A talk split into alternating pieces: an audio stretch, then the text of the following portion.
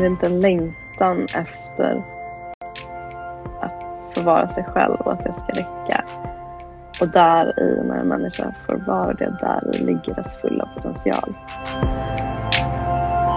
Det finns några kriterier för när man vet att man har hittat, hör sin egen röst, alltså den, den, den djupaste i en. Den är inte våldsam, den är inte dömande och oftast så är det, blir man överraskad av att höra.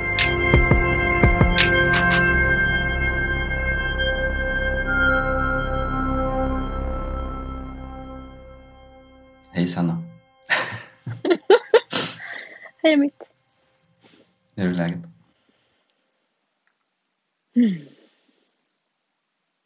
Det är bra. Jag fick lite så här kittlande känsla i magen just nu av någon anledning.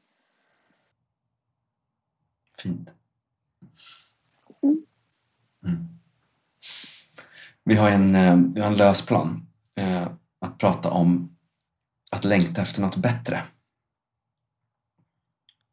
Mm. Så ska jag prov, börja provprata in i det. Får vi se vad som, Mm. vad som dyker upp.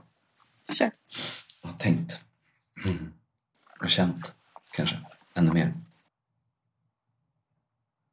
Men jag tänker liksom att längta efter något bättre. För mig har det varit ett så oproblematiskt eh, statement. Klart man längtar efter något bättre. Det är klart att det är så.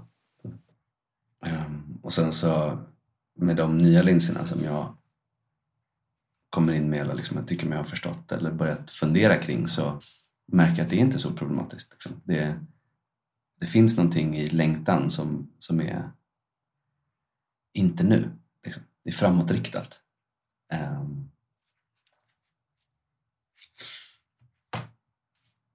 det som jag funderar på är liksom det här med att relatera på något sätt till att förändra världen. Och för mig personligen så relaterar det ofta till att rädda något. Vilket sätter mig i en viss energi, liksom att rädda något. För på något sätt så blir det också en så här energi av att, att hålla fast vid någonting. Att någonting inte borde hända eller borde hända. Eller liksom, det finns en, det finns en push i det liksom, som motiverar vissa typer av beteenden eller vissa typer av um,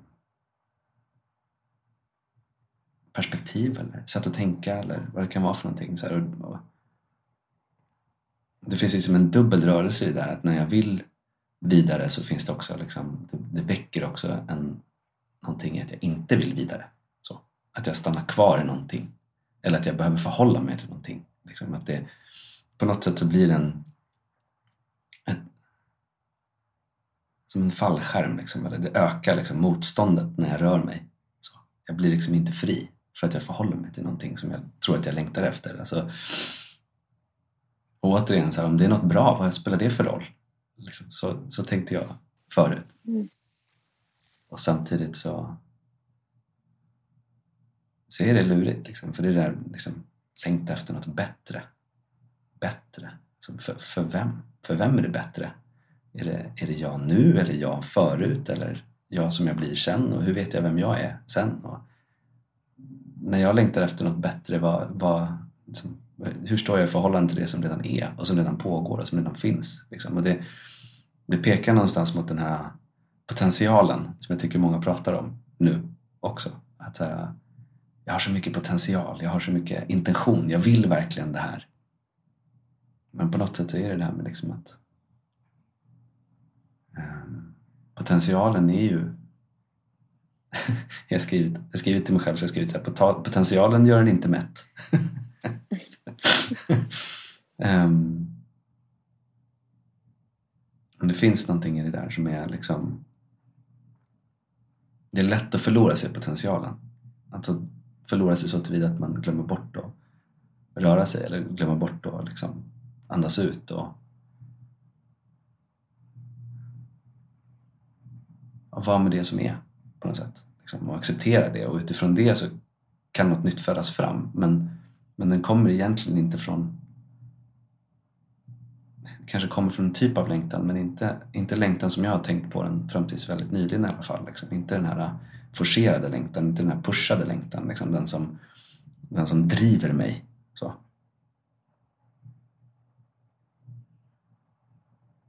Och så tänker jag liksom så här, tänk om längtan och intentionen och visionen inte är svaret. Liksom, utan tänk om det snarare handlar om just utandningen, om avslappningen. Liksom. Om att så här, kanske att längta efter något men sen istället för att det känns som att man strävar efter det, bara sjunka ner i det som man längtar efter liksom, och låta sig så här, bli buren utav det på något sätt. Liksom, på något sätt här, det är ju populärt att prata om mycelium men något sätt att man bara sjunker ner i jorden och så blir buren utav den underliggande kraften som, som finns någonstans. Liksom det elektriska eller det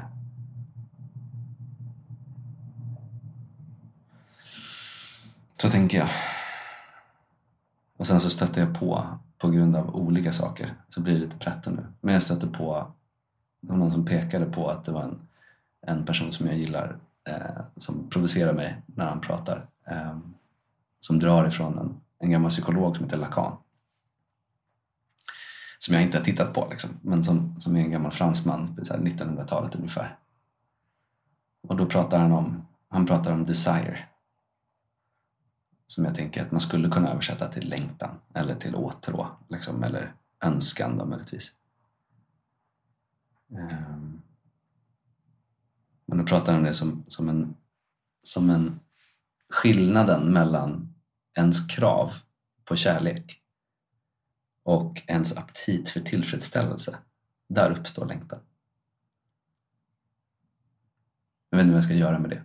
Men så pratar han om det. Och så pratar han om det. Och det som jag tyckte var intressant mera var snarare att i den lakanska teorin så är liksom längtan, eller den här desiren, det är det relaterar alltid till någonting som man inte har. Till ett lack, alltså till, till, eh, inte till överflöd eller abundance eller tillräckligt utan till någonting som man inte har. Och längtan finns för att återproducera sig själv. Den är liksom alltid där för att man ska fortsätta längta fortsätta längta och liksom själva den här längtan, den, den existentiella längtan, den kan man inte uppnå i den psykologiströmningen. Jag tror att jag stannar där. Men de, de sakerna blev liksom levande i mig. Eh, och så märker jag också att det är en så stor förflyttning eh, från hur jag tänker på längtan. Från någonting som bara är odelat positivt till någonting som jag liksom är, håller varsamt och varmt och kan liksom bada i på något sätt, och så simma i. Men, men eh, mitt förhållningssätt till det har liksom läng ja, längtat.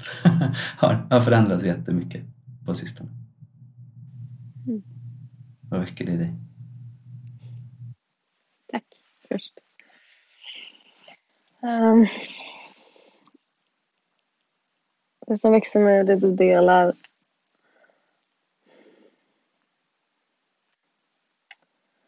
Du pratar om längtan efter potentialen. Jag tänker, för mig är det någon slags, eller jag ser en längtan hos människor att eller så här, vad är potential i en människa? Vad är det att vara? Att leva sin fulla potential. För mig så är det att vara fullt ut den unika människa som man är. Alla är vi unika och alla har vi unika, liksom, uh, unika färdigheter, talanger men vi formas av samhället att bli mer mainstream, mer kuggar i det där maskineriet. Um, så skolan, skolan formar oss bort från vår potential. Så det, det väcktes i mig att det, det är inte en längtan efter att få vara sig själv och att det ska räcka. Och där i när en människa får vara det, där i ligger dess fulla potential. Och någonstans så tänker jag att det är med andra ord inte en strävan bort till något bättre. Eller inte bort till någonting utan det är en strävan, lite som du pratade om, att sjunka ner mm. in i det som du redan är. Och för mig är nog längtan mm, det är ett ord som jag har jobbat med senaste åren ganska mycket i de här rörelserna som jag har varit inne i kopplat till det feminina så finns det en praktik som handlar om att skriva längtanslistor. För att vi, eller jag kan bara prata för mig själv, men um, för det har gjort för mig att sätta ord på vad längtar jag efter. Alltså bara det steget. Jag tillåter mig att längta efter något. Mm. Var stort för att det är liksom, nej men det var, jag var ju väldigt så här pragmatisk och väldigt, jag har svårt att drömma. Uh, kanske det handlar om självvärde. Ja, men vem är jag att få drömma om något bättre? Jag har det ju så bra. Och, och därmed har jag inte gett mig själv tillåtelse att längta. Men just i den här äh, längtanspraktiken så att göra längtanslistor som var verkligen så här, skriv ner allt du längtar efter. på den sidan.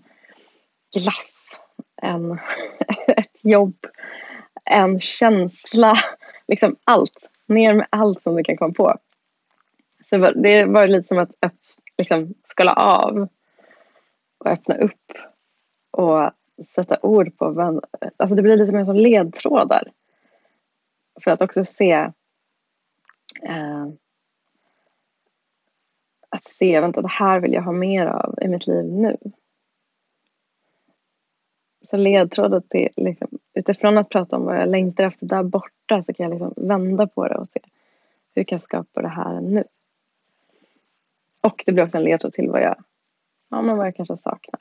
Men det behöver inte vara ja, ofta överraskar man sig själv. Att det inte är materiella ting eller något sånt där. Utan det är något som ligger mycket närmare till hands. Fint. Det är väldigt, jag märker att ordet är laddat med en massa andra saker än vad det har varit för mig. Nu kan jag förstå vad du säger på något sätt. Men, men jag tänker att det, eller jag vet inte om jag ska försöka, det fångar ju inte hela nyansen men, men jag hör... För mig har längtan varit liksom ett, ett längta bort. Mm. Um, och det som jag hör hos dig är mer ett... Men antingen att längta, längta in, eller längta hem, eller längta liksom... Um, men också så att... Finns det något nyfiket i längtan liksom? Som jag tyckte med det, att, att, att, att, du prova på en verk, så här, att, att, jag längtar efter det här. Och så känna hur det känns så. Sen just det där som du beskriver att, att sen grunda dig idag. Liksom. Mm. Att, att man inte fastnar i själva längtan utan att det får bli en det är just en ledtråd, en tråd som man kan nysta i liksom. Och så kan man börja så här, följa garnnystanet och så, så kan man få en liten boll så här, som man sitter i. Mm. Att rörelsen blir viktig så att man inte bara stannar i själva längtandet i sig självt. Liksom. Då kanske man inte... Ja, jag vet inte. Det var det, var det som dök upp. Mm. Vad har du för bulldozer utanför dig? Ah,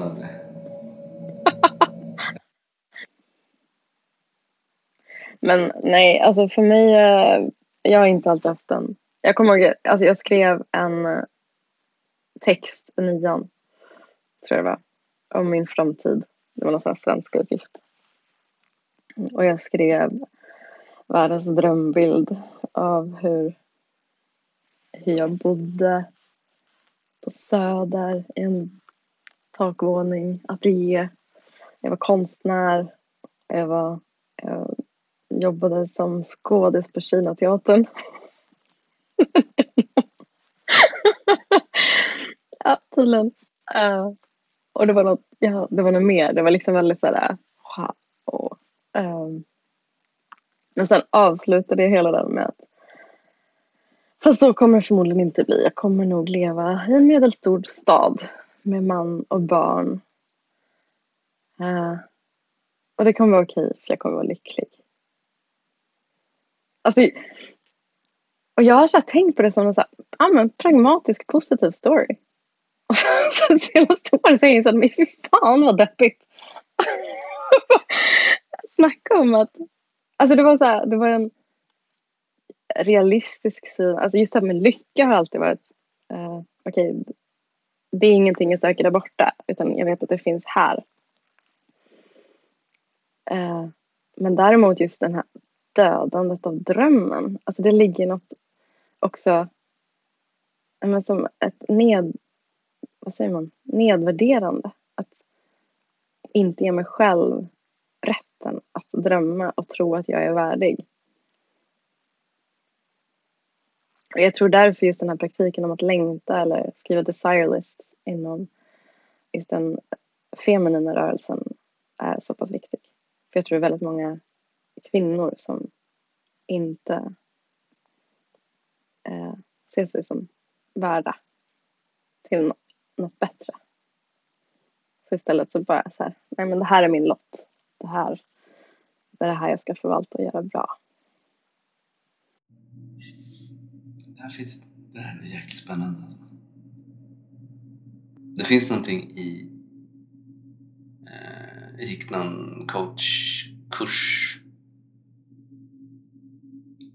och en man som höll den kursen och där fanns det en sån här, det är viktigt att man gör commitments som man kommer kunna hålla så att man kan över tid bygga upp förtroende, förtroende till sig själv eller tilliten till sig själv. Så här. Och då är det ju så här, vart vill jag? Vad heter det? Det finns en sån här önskat läge och hinder och resurser och grejer och sånt där. Det finns massa, massa en fantastiskt fint liksom, ramverk för att få reda på om man rör sig, på vilket sätt man rör sig, vad man, vad man har att tillgå, liksom, hur man kan tänka på, sitt, på sin riktning. Liksom. Um, men då var det, liksom, det fanns en aspekt där att det var viktigt att liksom, ta det här önskade läget så att det var realistiskt. Just precis det som du är inne på, liksom, så att man inte gör sig själv besviken eller misslyckas liksom, utan att man successivt bygger upp det här förtroendet liksom, på sig själv, till sig själv på något sätt. Jag märker att det där är lite liksom, intressant. Jag tänker att det är säkert, ett, ett så finns det säkert liksom en, en ganska stor komponent av vad man har för, för um, men vad man identifierar sig med för kön. Liksom. Alltså just den maskulina energin har ju gärna en riktning och gärna är liksom en, en viss typ av ett visst sätt av görande som vi är ganska vana vid liksom, att tänka i. Eh, både män och kvinnor i dagsläget för att det är så dominerande liksom, på något sätt. Och sen så men jag hör när du pratar så har jag en Det finns något subtilt liksom. Det finns, någon, det finns en annan det finns nästan som att det finns en, en liksom generativ kraft i själva längtan i sig självt. Liksom att den är sådär, det finns en frekvens utav mm, som, som på något sätt skulle driva, skulle kunna liksom driva en, en inte för att det är något så här, det kan vara storslaget eller inte men just att den driver en, liksom, att den ger en energi och att den, liksom, just den här tillåtelsen att längta och tillåtelsen att vara fånig liksom. um,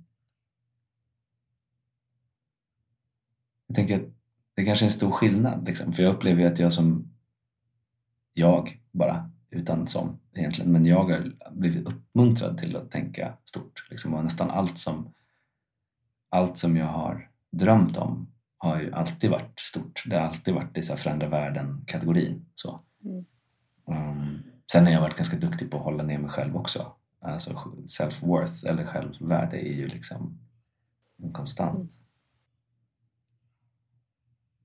Man får vara försiktig med vad man säger till sig själv, i alla fall jag. Eh, men det är ändå själva drömmandet har inte, eller själva längtan har inte liksom just den har inte varit hämmad på det sättet. Mm. Jag undrar också det här med liksom vem som längtar ibland. Alltså, i någon, i någon så här, det finns ju både psykosyntesen när man pratar om så här, delpersonligheter men också som IF, internal family systems, liksom, att man har internaliserat sin, sina familjer, sina tidigare generationer i sig självt. Liksom. Um, och så tänker jag att det finns en komponent säkert av samhället också som längtar. Liksom, att, att den där biten tänker jag är liksom inte helt okomplicerad. Så här, vem är det som längtar just nu? Är det, är det jag som längtar från mitt här, sanna Sanna, nu heter du Sanna, men jag menar alltså min, min sanna mitt sanna interna, liksom, min djupaste röst, mitt hjärta, liksom, den lilla så här, själen. Så. Um.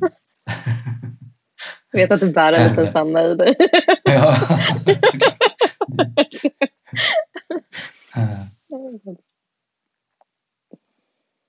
Men det, är det den som längtar eller är det liksom mamma som längtar eller är det pappa som längtar eller är det liksom mormor eller morfar eller är det någon, någon, liksom, någon som vill bara vara en kugge som, som verkligen vill bidra till den här kollektivistiska delen av oss som många har, liksom, att man verkligen vill bidra. Mm. Eh, och att man har blivit berättad för sig, alltså man fått berättat för sig att det är så här man bidrar. Om man ska vara en nyttig samhällsmedborgare så bidrar man på det här sättet, varsågod. Liksom. Eh, passa in. Mm. Hur tänker du kring det? Först tänkte jag, spelar det någon roll? Och sen så tänkte jag att jo, det gör det nog.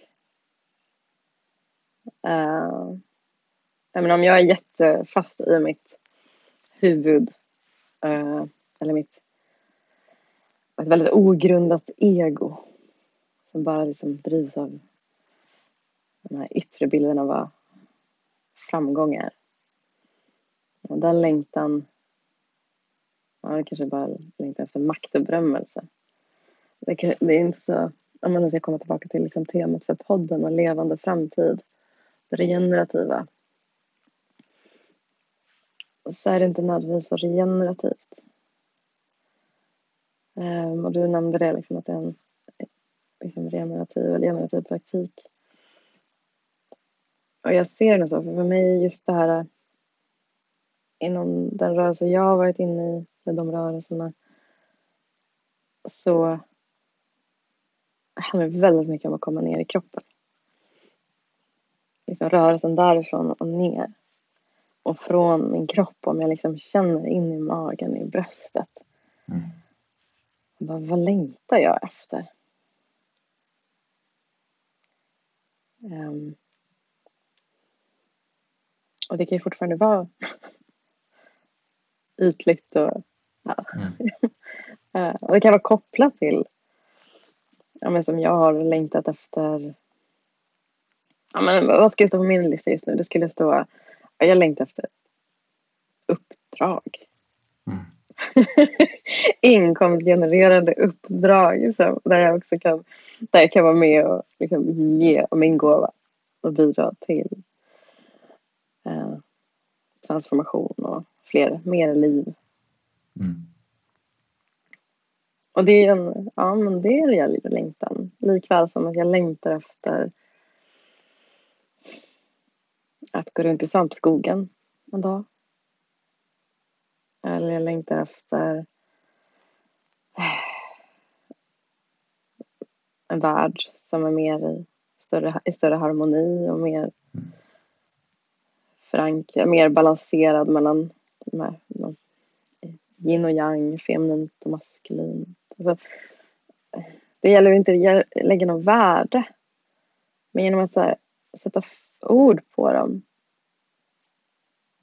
så eh, ger jag varje grej ett värde. Men jag värderar dem inte i relation till varandra. Och, och genom det här så gör jag också att jag faktiskt kan åstadkomma det här och nu. Mm. Nej, jag kanske inte kan göra det som jag drömmer om där borta, eller längtar efter där borta. Men då kan jag ställa mig frågan, men hur kan jag skapa känslan av det här nu? I det, där jag står. Och därmed skapar jag mer liv nu. Mm. Mm. Det väcker mycket för det, på något sätt så känns det som att det blir den här frekvensen av lycka vad det, vad det ordet hade i, i liksom tonårs-Sanna som, som skrev. Liksom. Jag tänker att den, den ligger väldigt nära det som vi nu benämner som liv för mig. Det finns liksom en, en frekvens av någonting som, som bär, liksom, som, som helar, som, som gör, ger en avslappning, liksom, som skänker plats. Um, och så tänker jag på den där den som försöker till vilken kostnad som helst liksom uppnå, läng längta mot det som vi ska längta efter, alltså mer prylar och högre lön och större hus och mm. snyggare partner och allt vad det är för någonting. Liksom. Um, när man inte är i kontakt med, den, med, med sig själv så blir ju den längtan, då är man ju, det, jag tänker att det är det som han den där fransmannen Lacan pratade om. Liksom. Att det, det där längtan, den, den spel, det spelar ingen roll för den, det går inte, för så fort du har nästa hus, och det pratar man ju om jättemycket i, liksom, i vårt tillfälle just nu, att så här, eftersom vi har tillgång till alla i hela världen att jämföra oss med så, liksom, så blir man ju aldrig nöjd.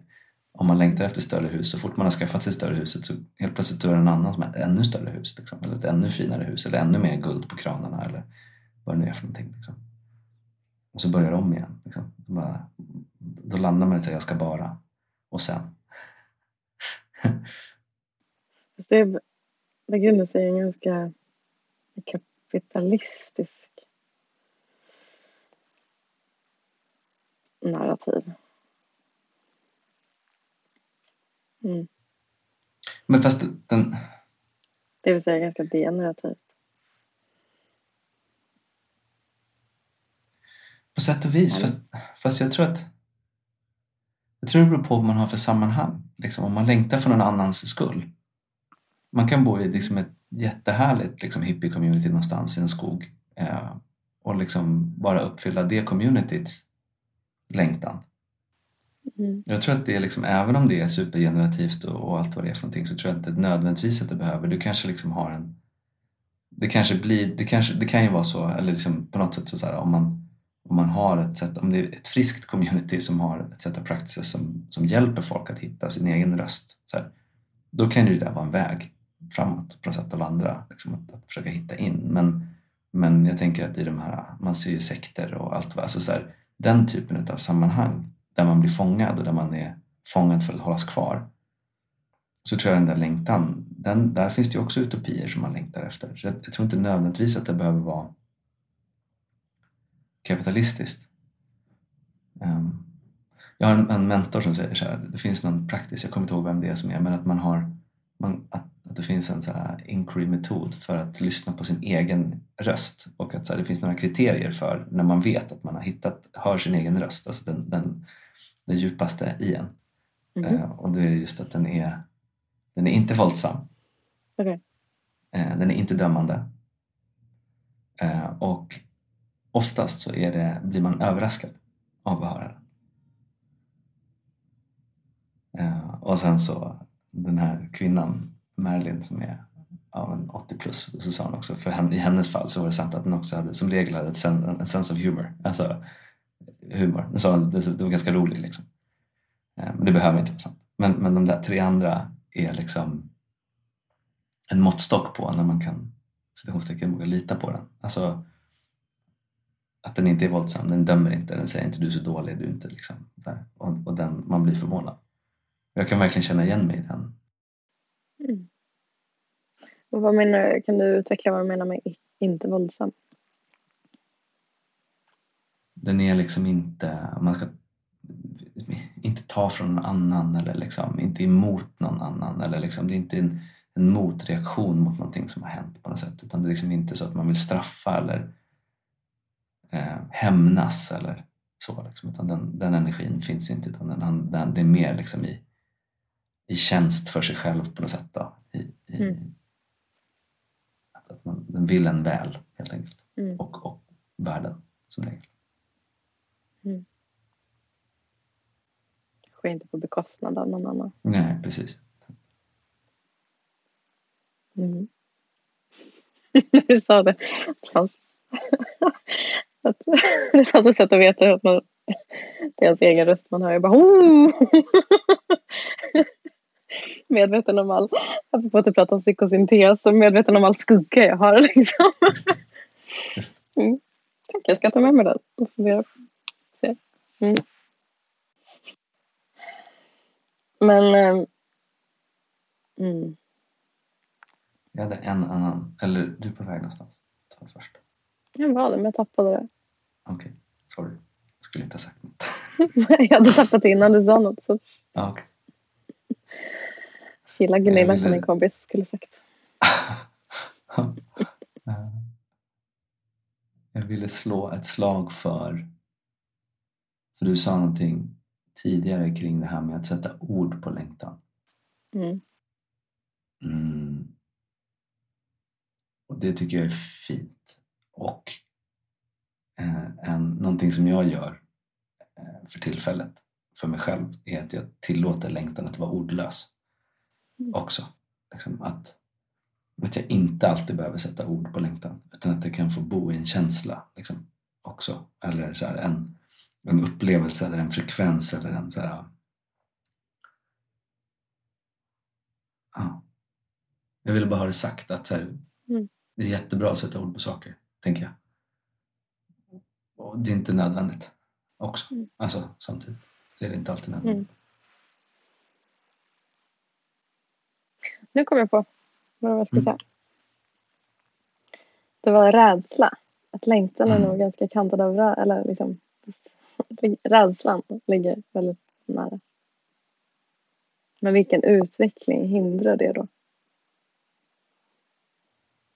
Säg det en gång till. Vad menar du? Men jag undrar om vi, om vi inte vågar av rädsla uttala vad vi längtar efter. Så är det någonstans vi hindrar utvecklingen av liv. Säger jag lite tveksamt. Provprata, provtänka. Eller? Vad, vad händer när vi inte, när vi inte vågar ut kommunicera vår längtan?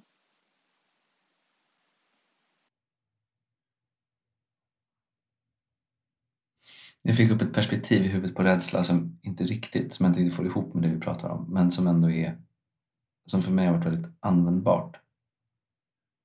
Att rädsla är en inbjudan att lyssna, till att lyssna. Um, jag tänker att här, när, när vi avhåller oss från att dela längtan för att vi är rädda för någonting så tänk om man skulle bara liksom bli nyfiken på vad det är, som, vad det är vi blir rädda för liksom, och våga lyssna djupare på något sätt. Liksom, eller lyssna, lyssna på det ordentligt. Verkligen sitta med det och lyssna på det och se vad det är för viskning som kommer liksom, i det där. Um, För det finns ju, alltså, jag tänker återigen på de där olika rösterna på något sätt, de där olika identiteterna. Att vissa saker kan ju faktiskt vara att man säger saker eller man tror att man längtar efter saker som man inte, som inte längtar efter, som inte gör någon egentlig skillnad. Och, som, så här, och så går man ut, går man i korståg på det liksom, och fullt krig med att man ska, det här ska jag minsann längta efter och, och du din jäkel liksom, och du hindrar mig från det och så vidare. Och sen så när man kommer dit så bara, men det var ju inte det här jag längtade efter, det här var ju något som jag fick med mig från tidigare, det var ju inte viktigt för mig. Mm. Liksom. Men att, och att så här, ibland så kan ju rädslan vara en, en fantastisk gåva liksom, just för att den bjuder in oss till att titta på vad det är som är. Eller så kan man hitta precis motsatsen, att det här är faktiskt jätte, jätteviktigt för mig. Men då kanske man kan kommunicera det, liksom den här vikten, mm. det här som är det underliggande. Så jag tänker att rädslan både kan vara en mur men också en öppning. Liksom, den här, du faciliterade någon eh, webb, den här, the, crack where the light uh, comes mm. in eller liknande. Liksom att rädslan skulle kunna vara den också. Det finns ju liksom en möjlighet att den är orienterande och att den hjälper oss. Om vi orkar mm. lyssna på den och låta den flytta sig. Liksom. Och sen så när själva rörelsen kommer sen så kommer den inte från rädsla utan då kommer den från just kanske längtan eller något annat positivt. Liksom, som en, en acceptans eller en, ja, någon av de känslorna som är liksom mer expansiva kanske eller som, som, som håller Ja, som är expansiva, som inte håller liksom kontraktion, som inte håller den här, alltså där man inte har en spänning utan som är en avslappning. Ja. Mm. Mm. Ska vi försöka snurra ihop paketet tänkte jag säga. Vill du Ja. säga, säga något klokt sista?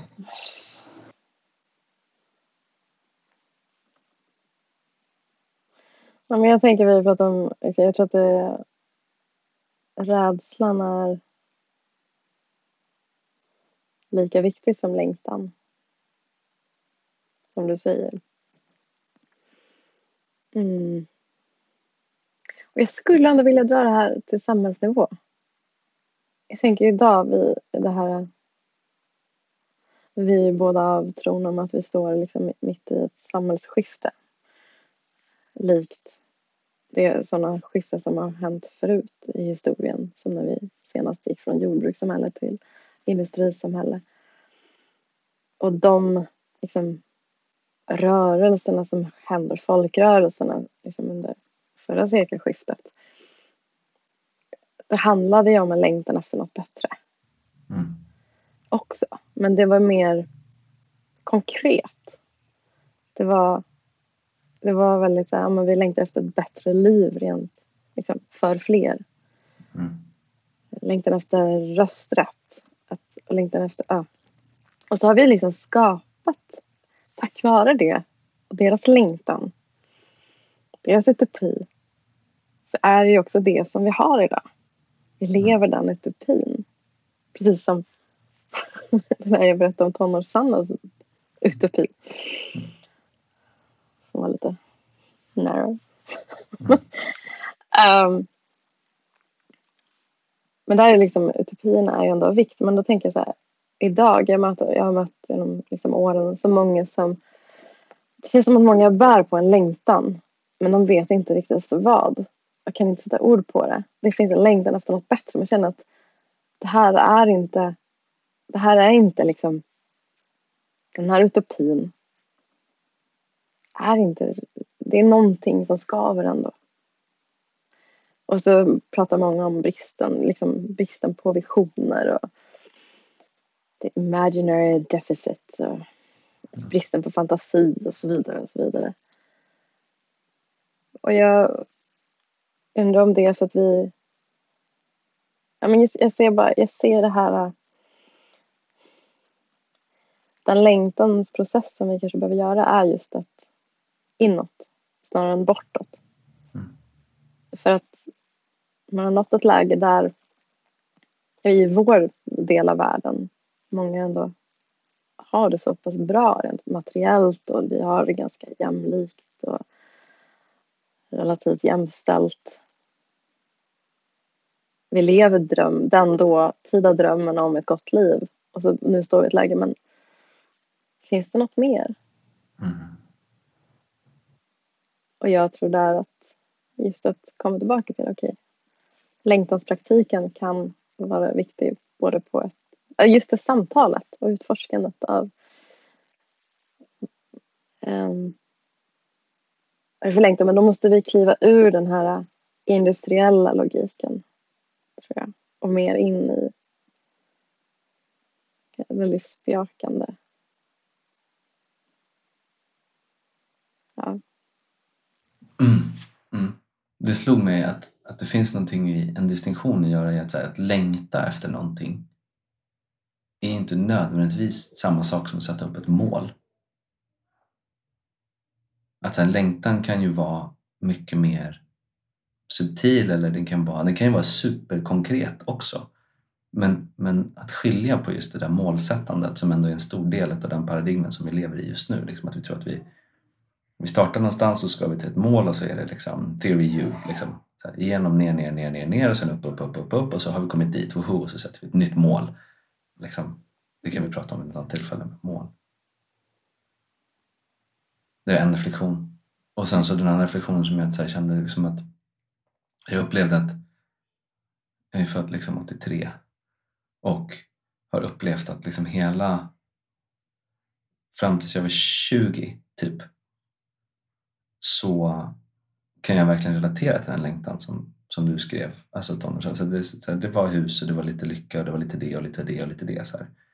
Eh, och det vore kul om man kunde förändra världen också samtidigt liksom, på något sätt. Men jag vet inte riktigt vad det är. Det kändes ganska hopplöst för det kändes som att så här, men, allt är ganska stängt, allt är uppfunnet. Liksom. Det är bra som det är. Så här, det finns inga riktiga, det finns inga riktiga liksom, globala skav. Så. Och sen så de 20 åren efter 2003 liksom, så har ju blommat, alltså det finns en helt annan möjlighet att, att drömma igen på något sätt. Liksom, för det är så mycket som är öppet. Um, jag tänker också det som man ser då med yngre generationer som liksom är uppvuxna i någon form av ett, en eller annan liksom kaosberättelse, liksom, eller berättelse om att saker och ting håller på att gå väldigt dåligt. Medan i vårt fall så var det liksom så här, ja men 90-talskrisen det var lite ett avsteg men det här funkar ju. Liksom. Det funkar, nu kör vi liksom. Dotcom-bubblan, ja ja men de, de, fattade ju, de fattade ju ingenting, det var ju helt galet. Liksom. Men det, så här, och skillnaden mellan det och liksom 2008-krisen, när allt är förstört, alla finansiella instrument som vi har, de är helt åt liksom, pipan. Och, mm.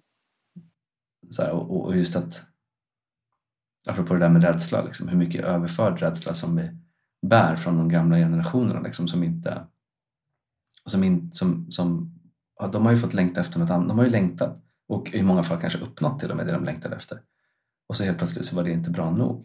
Liksom, eller här, att våga släppa taget om sina barns längtan till exempel. Att tillåta att de längtar bortom det man ens kunde drömma om att man skulle våga längta efter och inte liksom ta det på något så arroganskonto. Eh, mm. Utan att, utan att så luta sig in i det. Bara, så här, fantastiskt, liksom. det är ytterligare en, ett evolutionssteg på något sätt. Så här, vi har tagit oss, det har förflyttat sig, någonting har skiftat i, i vattnet eller i världen eller i hur det nu är. Liksom. Och nu vågar vi längta längre eller längta större eller längta hur det nu är. Liksom. Jag vet inte, men det där, det där ville bli sagt på något sätt. Jo, men och att våga, våga så släppa taget om våra barns längtan. Och låta dem längta efter något annat. Mm.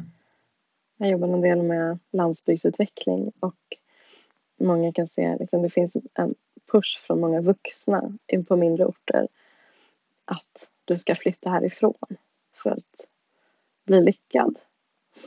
För att få ett bättre liv. Mm. Och så må, jag har mött många unga som, fast vi, jag vill inte flytta ifrån. Jag vill kunna leva här och jobba här med det som jag drömmer om. Och det finns en väldig kraft i den längtan. Men den kanske ställer sig på tvärsen från deras föräldrars eh, tro om vad liksom, framgång är. Ett lyckat liv. Och så vill jag också bara, apropå det. Mm, um, jag har jobbat i verksamheter och med verksamheter där man där folk kommer in och känner att de mår väldigt bra. apropå din, det du sa om att sätta ord på mm. längtan. Och jag jobbar i sådana verksamheter där man där folk upplev, har upplevt att åh, jag, jag vet inte vad det är här men jag mår väldigt bra.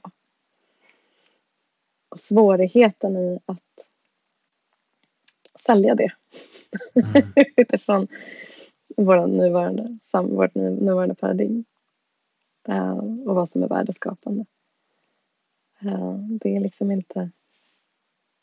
Nej, folk köper inte längtan efter att må bra. Eller... Ja, nej. Spännande. Mm. Apropå vem som längtar liksom. och apropå mm. massa saker. Mm. Men jag tänker vi kanske får tillfälle att återkomma till längtan. Ja, det låter som. Det. det fanns mycket energi här. ja. ja.